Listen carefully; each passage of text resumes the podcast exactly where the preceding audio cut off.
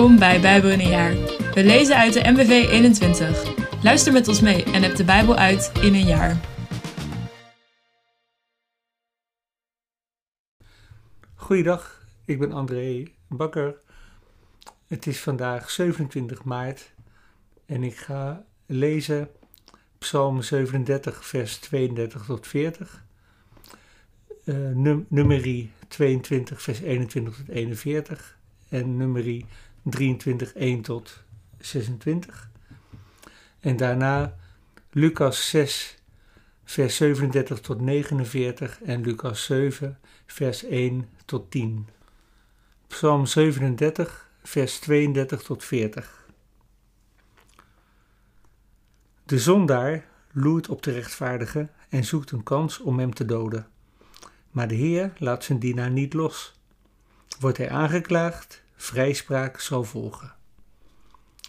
Vestig je hoop op de Heer en blijf op de weg die Hij wijst. Hij zal je aanzien geven en grondbezit. Je zult beleven dat zondaars worden verdelgd. Ik heb een zondaar gezien, een uitbuiter. Hij groeide uit als een woekerende laurier. Op een dag was hij verdwenen. Ik zocht hem en ik vond hem niet. Zie de onschuldige, kijk naar de oprechte. Wie vredelievend zijn, hebben de toekomst. Maar zondaars worden verdelgd. Er is geen toekomst voor een slecht mens. De rechtvaardigen vinden redding bij de Heer. Hij is hun toevlucht in tijden van nood. De Heer heeft hen altijd geholpen en bevrijd. Hij bevrijdt hen ook nu van de zondaars. Hij redt hen, want ze schuilen bij hem. Nummerie 22, vers 21 tot 41. De volgende morgen maakte Biliam zich gereed, zadelde zijn ezelin en ging met de Moabitische leiders mee. Maar nauwelijks was hij op weg, rijdend op zijn ezelin en vergezeld door twee van zijn dienaren, of God ontstak in woede. De engel van de Heer ging op de weg staan om Biliam tegen te houden. De ezelin zag de engel van de Heer op de weg staan, met een getrokken zwaard in de hand, en ze ging opzij, van de weg af het veld in. Biliam sloeg de ezelin om haar weer naar de weg te drijven. Hierop ging de engel van de Heer op een smalle weg tussen de wijngaarden staan. Aan weerszijden was een muur. Toen de ezelin de engel van de Heer zag, drukte ze zich tegen de muur, zodat Biliams voet bekneld raakte. Weer sloeg hij haar. De engel van de Heer ging opnieuw een stuk verderop staan, in een nauwe doorgang waar geen ruimte was om naar links of rechts uit te wijken. Toen de ezelin de engel van de Heer zag, ging ze liggen, met Biliam nog op haar rug. Biliam werd woedend en sloeg de ezelin met een stok. Toen opende de Heer de mond van de ezelin. Ze vroeg Biliam: Wat heb ik u misdaan dat u me nu al drie keer geslagen hebt? Je solt met me, zei Biliam. Als ik een zwaard bij me had, dan had ik je lang gedood. De ezelin vroeg Biliam: Ben ik niet de ezelin waarop u al uw hele leven rijdt? Heb ik me soms eerder zo gedragen? Nee, nooit, antwoordde hij. Toen opende de heer Biliam de ogen, zodat hij de engel van de heer op de weg zag staan, met het getrokken zwaard in de hand. Hij knielde en boog diep voorover. De engel van de Heer vroeg hem: Waarom heb je je ezelin nu al drie keer geslagen? Ik ben gekomen om je tegen te houden. Doordat ik hier sta, is de weg afgesloten. Driemaal zag je ezelin mij en driemaal is ze voor mij opzij gegaan. Had ze dat niet gedaan, dan had ik jou gedood, maar haar in leven gelaten. Biliam zei tegen de engel van de Heer: Ik heb gezondigd, want ik wist niet dat u tegenover me stond. Maar als wat ik doe slecht is in uw ogen, ga ik terug naar huis. De engel van de Heer zei tegen Biliam: Ga maar met die mannen mee, maar je mag alleen zeggen wat ik je opdraag. Dus ging Biliam met Balaks gezanten mee. Toen Balak hoorde dat Biliam eraan kwam, ging hij hem tegemoet tot aan de Moabitische stad, die helemaal aan de rand van het stroomgebied van de Arnon ligt. Ik had u toch dringend ontboden, zei Balak tegen Biliam. Waarom bent u niet eerder gekomen? Dacht u soms dat ik niet in staat zou zijn om u te belonen? Ik ben er nu toch, antwoordde Biliam hem. Maar of ik iets zal kunnen zeggen? Alleen wat God mij in de mond legt, kan ik zeggen.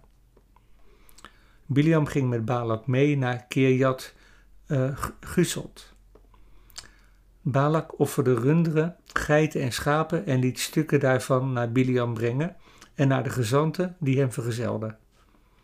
De volgende morgen nam Balak Biliam mee naar Bamot Baal, een hooggelegen plaats van waar hij een klein deel van de Israëlieten kon zien. Nummerie 23, vers 1 tot 26. Biliam droeg Balak op om daar zeven altaren te bouwen en zeven stieren en zeven rammen gereed te maken voor een offer. Balak deed wat Biliam had gezegd. Samen met Biliam offerde hij op elk altaar een stier en een ram. Daarna zei Biliam tegen Balak: Blijft u hier bij uw brandoffers wachten, terwijl ik wat verderop ga. Misschien dat de Heer naar mij toe wil komen. Wat hij me laat zien, zal ik u meedelen. Hij ging een kale heuvel op, waar God bij hem kwam. Ik heb zeven altaren laten oprichten, zei Biliam, en op elk altaar heb ik een stier en een ram laten offeren. De Heer droeg Biliam op naar Balak terug te gaan en legde hem in de mond wat hij moest zeggen. Toen Biliam terugkwam, stond Balak nog bij zijn brandoffers samen met de Moabitische leiders. Biliam hief een orakelspreuk aan en zei: Balak liet mij uit Aram komen. Uit het bergland in het oosten riep Moabs koning mij. Kom Jacob voor mij vervloeken, kom Israël verwensen. Hoe kan ik vervloeken wie door God niet is vervloekt? Hoe kan ik verwensen wie door de Heer niet is verwenst? Ik zie hen vanaf de top van de rotsen. Ik neem hen waar vanaf de heuvels. Een volk dat afgezonderd leeft, zich niet verbindt met andere naties. Het volk van Jacob is als stof. Wie kan het tellen? Een vierde deel van Israël. Wie stelt het vast? Mogen ik sterven als die rechtvaardigen? Mogen ik heen gaan zoals zij? Balak zei tegen Biliam: Wat hebt u nu gedaan? Ik heb u hierheen laten komen om mijn vijanden te vervloeken en u zegent u ze. Biliam antwoordde: Ik zeg niets anders dan wat de Heer mij in de mond legt. Komt u mee naar een andere plek van waar u hen kunt zien, zei Balak. Niet het hele volk, maar wel een deel ervan. Spreek vanaf daar voor mij een vloek over hen uit. En hij nam hem mee naar de top van de Pisga in de Sofimvlakte, bouwde zeven altaren en offerde op elk ervan een stier en een ram. Biliam zei tegen Balak: Blijft u hier bij uw brandoffers. Ik zal daar ginds wachten tot de Heer naar mij toekomt. De Heer kwam bij Biliam. Hij droeg hem op naar Balak terug te gaan en legde hem in de mond wat hij moest zeggen. Toen Biliam terugkwam, stond Balak nog bij zijn brandoffers, samen met de Moabitische leiders. Wat heeft de Heer gezegd? vroeg Balak. Daarop hief Biliam deze orakelspreuk aan. Let goed op, Balak, en luister, zoon van Sippor. Leen mij uw oor. God is geen mens, dat hij zijn woord zou breken, of terug zou komen op zijn besluit. Zou hij beloven en niet vervullen? Zijn woord geven en niet gestand doen? Hij droeg mij op te zegenen. Hij heeft gezegend. Kan ik dat keren? Voor Jacob laat zich geen onheil schouwen. Voor Israël laat zich geen rampspoed zien. De Heer, hun God, is in hun midden. Gejubel klinkt op rond hun koning. God, die hen uit Egypte leidde, is voor hen als de hoorns van een wilde stier. Een bezwering schaadt Jacob niet. Waar zij gerei doet Israël geen kwaad. Voortaan zegt men van Jacob, van Israël, wat bracht God niet voor hen tot stand? Zie, een volk richt zich op als een leeuw, vol majesteit verheft het zich. Het rust pas als het zijn prooi heeft verslonden en het bloed van zijn buit heeft gedronken.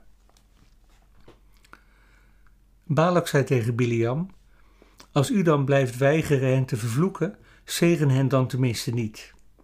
Biliam antwoordde hem: Ik heb u toch gezegd dat ik alleen doe wat de Heer mij opdraagt? Lucas 6, vers 36 tot 49.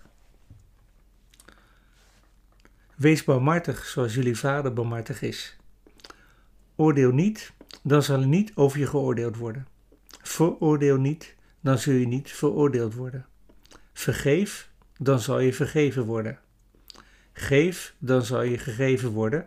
Een goede, stevige, aangedrukte, goed geschudde en overvolle maat zal je worden toebedeeld. Want de maat die je voor anderen gebruikt, zal ook voor jullie worden gebruikt. Hij sprak ook in gelijkenissen tegen hen. Kan de ene blinde de andere blinde leiden? Vallen ze dan niet samen in een kuil? Een leerling staat niet boven zijn leermeester. Pas als iemand zich alles heeft eigen gemaakt, zal hij de gelijke zijn van zijn leermeester. Waarom kijk je naar de splinter in de oog van je broeder of zuster, terwijl je de balk in je eigen oog niet opmerkt? Hoe kun je tegen hen zeggen: Laat mij de splinter uit je oog verwijderen, terwijl je de balk in je eigen oog niet ziet? Huigelaar, verwijder eerst de balk uit je eigen oog. Pas dan zul je scherp genoeg zien om de splinter uit het oog van je broeder of zuster te verwijderen. Een goede boom brengt geen slechte vruchten voort, en evenmin brengt een slechte boom goede vruchten voort. Elke boom kun je aan zijn vruchten kennen, want van distels pluk je geen vijgen en van doorstruiken geen druiven. Een goed mens brengt uit de goede schatkamer van zijn hart het goede voort, maar een slecht mens brengt uit zijn slechte schatkamer het kwade voort, want waar het hart vol van is, daar loopt de mond van over. Waarom roepen jullie Heer, Heer tegen mij, maar doen jullie niet wat ik zeg? Ik zal jullie vertellen op wie degene lijkt die bij me komt, naar mijn woorden luistert en ernaar handelt. Hij lijkt op iemand die bij het bouwen van zijn huis een diep gat groef en het fundament op rotsgrond legde. Toen er een overstroming kwam, beukte het water tegen het huis, maar het stortte niet in, omdat het degelijk gebouwd was. Wie wel naar mijn woorden luistert, maar niet doet wat ik zeg, lijkt op iemand die een huis bouwde zonder fundament, zodat het meteen instortte toen het water er tegen beukte en er alleen een bouwval overbleef.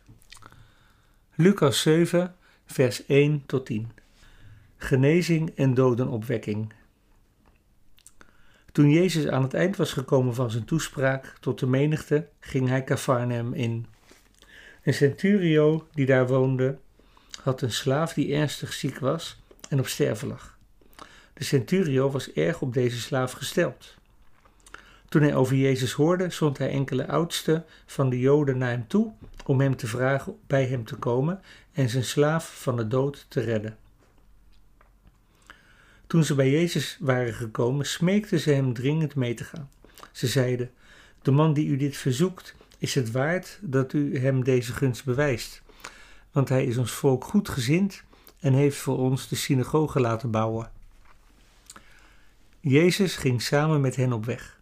Hij was al niet ver meer van het huis verwijderd toen de centurio enkele vrienden naar hem toestuurde met de mededeling: Heer, spaar u de moeite, want ik ben niet waard dat u onder mijn dak komt. Daarom ook achtte ik mij niet waardig om zelf naar u toe te gaan. Spreek slechts een enkel woord en mijn knecht zal genezen. Ook ik ben iemand die onder andermans gezag staat en zelf weer soldaten onder zich heeft. En als ik tegen een soldaat zeg ga, dan gaat hij en tegen een ander kom, dan komt hij. En als ik tegen mijn slaaf zeg doe dit, dan doet hij het. Toen Jezus dit hoorde, verbaasde hij zich over hem. Hij keerde zich om naar de menigte die hem volgde en zei: Ik zeg jullie, zelfs in Israël heb ik niet zo'n groot geloof gevonden. Toen de vrienden van de centurio terugkeerden naar zijn huis, troffen ze daar de slaaf in goede gezondheid aan. Doeg, het beste allemaal vandaag.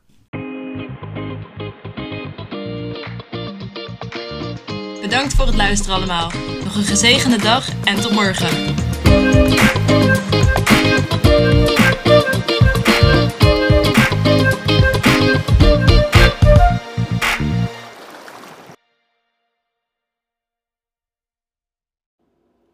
Met dank aan het Nederlands-Vlaams Bijbelgenootschap voor het gebruik van de MBV 21.